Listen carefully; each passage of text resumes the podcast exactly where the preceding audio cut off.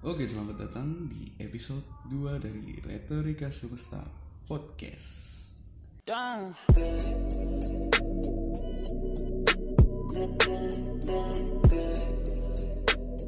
Oke, kemarin kita sudah bahas tentang episode perkenalan lah ya gitu. Seperti itulah sekir- sekiranya konten dari Retorika Semesta Podcast ini. Sekarang gue cuma pengen bikin perkenalan tentang gimana diri gue, siapa sih gue sebenarnya gitu kan. Oke, eh, perkenalkan nama gue Aulia Raisa Putra. Lu bisa semua manggil gue Bang Aul sih emang kata rata-rata teman gue juga manggil gue Bang Aul ya. Terus gue lahir di Padang, gue orang Minang asli. Gue lahir di Padang sekitar 26 tahun yang lalu. Gue dibesarkan di keluarga asli Minangkabau dan memang gue lahir di Padang juga dengan budaya yang ada di Minangkabau. Gue lahir di Padang sampai tahun 1998 kalau nggak salah. Setelah itu gue pindah ke Garut. Di sana gue belajar budaya baru lagi tuh. Sampai gue dulu kan zaman SD kita kan belum pakai apa namanya semester gitu kan masih cawu gitu. Gue di sana sampai kelas satu cawu satu. Nah setelah setelah gue menyelesaikan 4 bulan di SD tersebut di Garut terus gue akhirnya pindah ke Bekasi gitu kan. Tapi di ada cerita lucu gitu di Bekasi. Kayak misalnya gue datang nih ke Bekasi terus gue masuk sekolah dulu itu nama sekolahnya eh, SDN Ciketing gitu kan.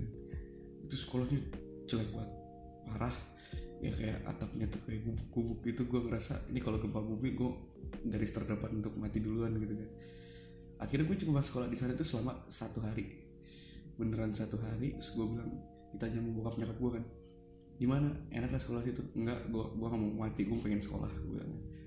Akhirnya gue melirik lah ke sekolah, sekolah sebelahnya gitu. Di situ namanya masih SDN Seribu Mustika mungkin kalau anak-anak yang seumuran gue tinggal di Mustika Jaya tahu itu sekolah sekarang Mustika Jaya 3 namanya nah gue di sana menamatkan studi gue sampai tahun 2005 gitu kan. Nah setelahnya gue masuk SMP karena gue mikir di dekat rumah gue ada eh, apa namanya SMP negeri gitu kan. Tapi gue jelasin di sini gue bukan orang yang hidup di keluarga yang kaya raya atau enggak gue orang yang biasa-biasa aja gitu.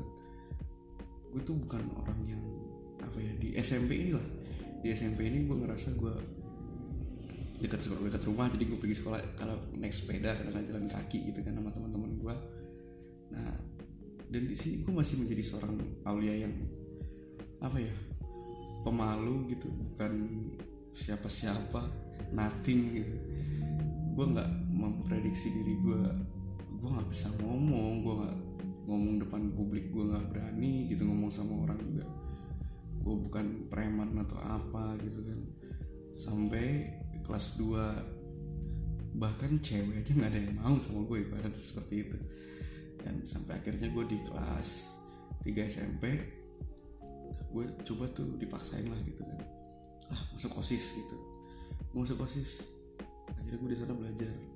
Belajar organisasi walaupun gue cuma ya di apa sih namanya remah-remah gitu kan. Cuma jadi anggota biasa yang nggak megang, megang jabatan. Memang karena kemampuan gue nggak ada gitu. Gue cuma nothing people gitu kan orang masyarakat yang nggak ada apa-apanya. Sampai akhirnya gue tamat dari sekolah itu gue masuk di SMA kan. Ya dekat sini juga sama SMA Negeri 9 di sana juga gue gue setelah gue osis di SMP gue menemukan satu hal yang baru dalam diri gue yaitu confident kepercayaan diri. Walaupun gue bisa masih belum bisa gitu kayak masalah public speaking dan lain-lain tapi gue sudah mempunyai confidence yang cukup tinggi karena gue sudah belajar dalam organisasi tersebut gitu kan. Sini gue punya teman yang lebih banyak daripada biasanya. Gue lebih gampang mengenal orang-orang baru. Gue ketemu teman-teman gue yang ya memang notabene yang gila-gila semua. Dan gue mengkategorikan diri gue sebagai orang gila gitu kan. Wah akhirnya gue bersekolah dengan otak gue yang pas-pasan gitu. Gue dulu zaman zaman zaman gue sekolah dulu yang namanya anak IPA itu kan biasanya dipandang lebih cerdas sedikit daripada anak IPS. Jadi kayak orang tua dulu dulu tuh pikir tuh kalau anaknya IPA tuh kayaknya keren banget gitu kan. Akhirnya bokap gue bilang kalau kamu masuk IPA katanya kamu papa belikan motor gitu kan. Nah sedangkan kalau sudah akhirnya itu gue masuk tuh IPA kan. Gue nggak nyangka dong gue bisa akhirnya gue gue tagih gitu kan. Uh, bokap gue wah mana motor iya nanti aja. Ya ternyata gue dibohongin dong gitu. Tapi nggak apa-apa lah gue udah terlanjur masuk IPA juga. Nah setelah di IPA itu gue ya gitu. Gue paling benci banget sama yang namanya fisika gitu dengan nilai gue jelek-jelek banget gitu. Gue masih inget banget nilai gue tuh cuma 0, berapa lah gitu. Tapi gue nggak terlalu mementingkan gimana mata pelajaran dan prestasi gue di sekolah sih. Tapi gue bagaimana pengembangan diri gue sendiri dari mulai orang yang nggak bisa apa-apa sampai bahkan gue menjadi orang yang dikenal di sekolahan. Gue masuk hampir seluruh ekstrakurikuler yang ada di sekolahan gue itu. Dari mulai seni uh, olahraga pramuka bahkan sampai mading sekalipun di sana gue cuma pernah di ekstrakurikuler itu ikut cuma buat dapetin dispensasi libur hari Sabtu gue ditugasin untuk ngeliput pensinya anak kuliahan salah satu kampus swasta di Jakarta dan itu acaranya di Ancol.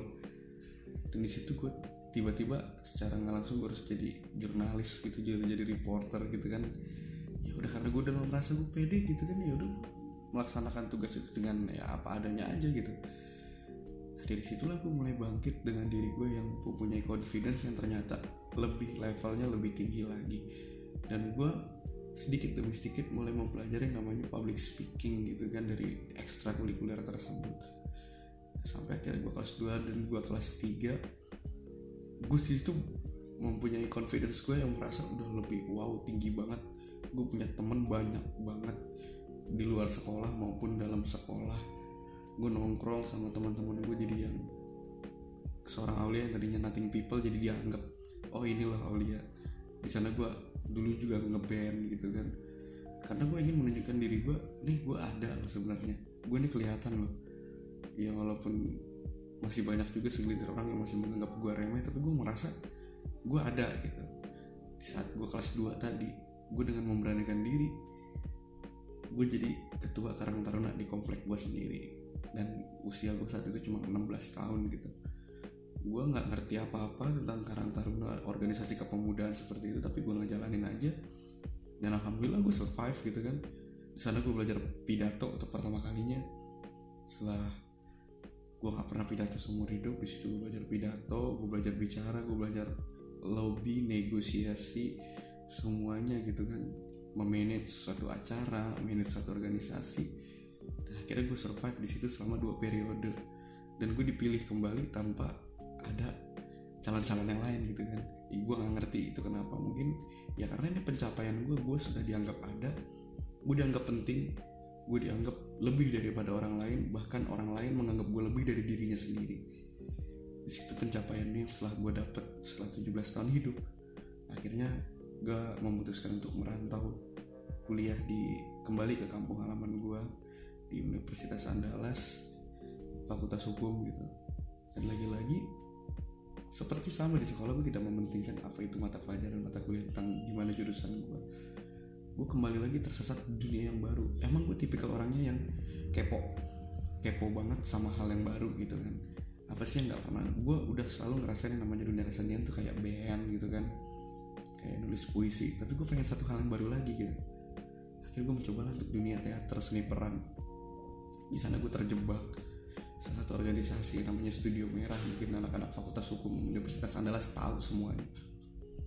Di sana gue masuk jadi anak teater. Sama gue dimulai gue nggak punya teman sama sekali. Karena siapa lagi anak Bekasi yang ada di Padang gitu kan? Paling ada beberapa tapi yang dari teman sekolah gue tuh nggak ada. Gue belajar hidup sendiri dengan budaya baru bahasa baru yang gue nggak ngerti. Gue ngerti sedikit sedikit tapi gue nggak nggak bisa berbaur dengan teman-teman yang ada di sana karena gue nggak bisa bahasanya gitu kan. Gue nggak tahu mereka ngomongin gue apa gue gimana gimana gitu. Akhirnya ya ya akhirnya ini percaya nggak percaya. Memang walaupun gue orang asli sana tapi kan gue udah orang sini banget nih. Dalam waktu tiga bulan gue lancar bahasa Minangkabau. Itu memang bener-bener gue niatin gue belajar sama supir angkot sama temen gue ada beberapa temen yang mau bener-bener tutor gue dari nol sampai tertatih-tatih sampai gue bisa selancar ini sekarang bahasa Minang gue nah di sana gue ketika gue sudah bisa bahasa gue bisa berbaur lebih lebih gampang gitu dengan teman-teman yang lain. Dan di studio merah tersebut gue ngerasa wah ini kayaknya dunia baru enak banget deh. Dan gue main teater di situ dan gue lagi-lagi survive di sana. Gue dijadikan leader juga di situ sebagai penanggung jawab koordinator dan lain-lain gue ditunjuk untuk jadi sutradara. Situ gue ngerasa wah ini gue punya pencapaian baru leadership. Gue punya rasa kepemimpinan sendiri gitu yang gue rasain. Di sana dengan teater gue kan punya slogan tuh bahwa teater adalah memanusiakan manusia. Gue ngerasa diri gue menjadi manusia yang sebenar-benarnya. Gue utuh gue komplit gitu kan. Dan sebenarnya itu menjebak gue juga di dunia perkuliahan gue sampai akhirnya gue kelar begitu lamanya ya lama lah sampai sehabis habisnya masa ya alhamdulillah walaupun sekarang gue juga udah menjadi seorang sarjana hukum gitu kan. Nah seperti itulah salah satu perjalanan gue seorang Aulia yang nothing people itu bukan siapa-siapa menjadi orang yang siapa-siapa dan ketika gue kembali lagi ke asal gue di sini di Bekasi gue menjadi orang yang ya, semua orang kenal gue gitu. Semua orang menghargai gue semua orang menganggap gue dan semua orang mengakui keberadaan gue di sini gue yang mau sombong atau apa tapi gue pengen motivasi teman-teman yang ngedengerin semua di sini podcast retorika semesta bahwasanya nggak semua yang kita dapat dalam diri kita kita menjadi seorang yang seperti ini itu instan. Tapi gue udah ngelaluin hal-hal yang dari yang nol sampai gue bisa menjadi yang sekarang. Kalau sekarang gue dibilang wih si bang Aul hebat bang Aul pintar ngomong bang Aul pintar ngelobi bang Aul manajemennya hebat bang Aul bisnisnya jago karena gue mulai semuanya itu dari nol. Gue juga belajar bisnis dari zaman sekolah. Di saat teman-teman gue main gue pergi ke ASMK gue beli parfum. Di sini gue jual lagi dan alhamdulillah gue untung banget gede. Di situ gue belajar bisnis sampai sekarang. Bahkan gue pernah terjebak di dunia MLM jadi kalau hari ini teman-teman banyak bilang gue kok jago banget bisnisnya gimana sih? Terus gue kok bisa mengkonsultasikan ke orang gitu masalah bisnis kok gue bisa ngerti banyak tentang bisnis. Karena gue udah ngejalanin dari nol gitu. Dan bahkan sekarang gue juga punya bisnis konveksi gue sendiri gitu kan. Ya alhamdulillah juga itu lancar. Dan ya dunia seperti ini tuh menurut gue roda itu berputar gitu. Jadi teman-teman gak usah ngerasa ah gue tidak percaya diri. Gue nggak bisa gue takut gagal. Ya mulai aja dulu. Karena gue juga dulu mulai dari nol sampai sekarang gue bisa menjadi yang bang Aul yang seperti sekarang mungkin uh, sekian dulu. Itu perkenalan tentang siapa gue siapa bang Aul. Kalau pengen tahu gue lagi bisa follow instagram gue di @bang underscore aul 93 jangan lupa di follow dengerin terus podcast podcast gue yang terbaru. Dan gue bakal banyak cerita dan ada tamu-tamu yang seru-seru nantinya. Thank you. Sampai jumpa di next episode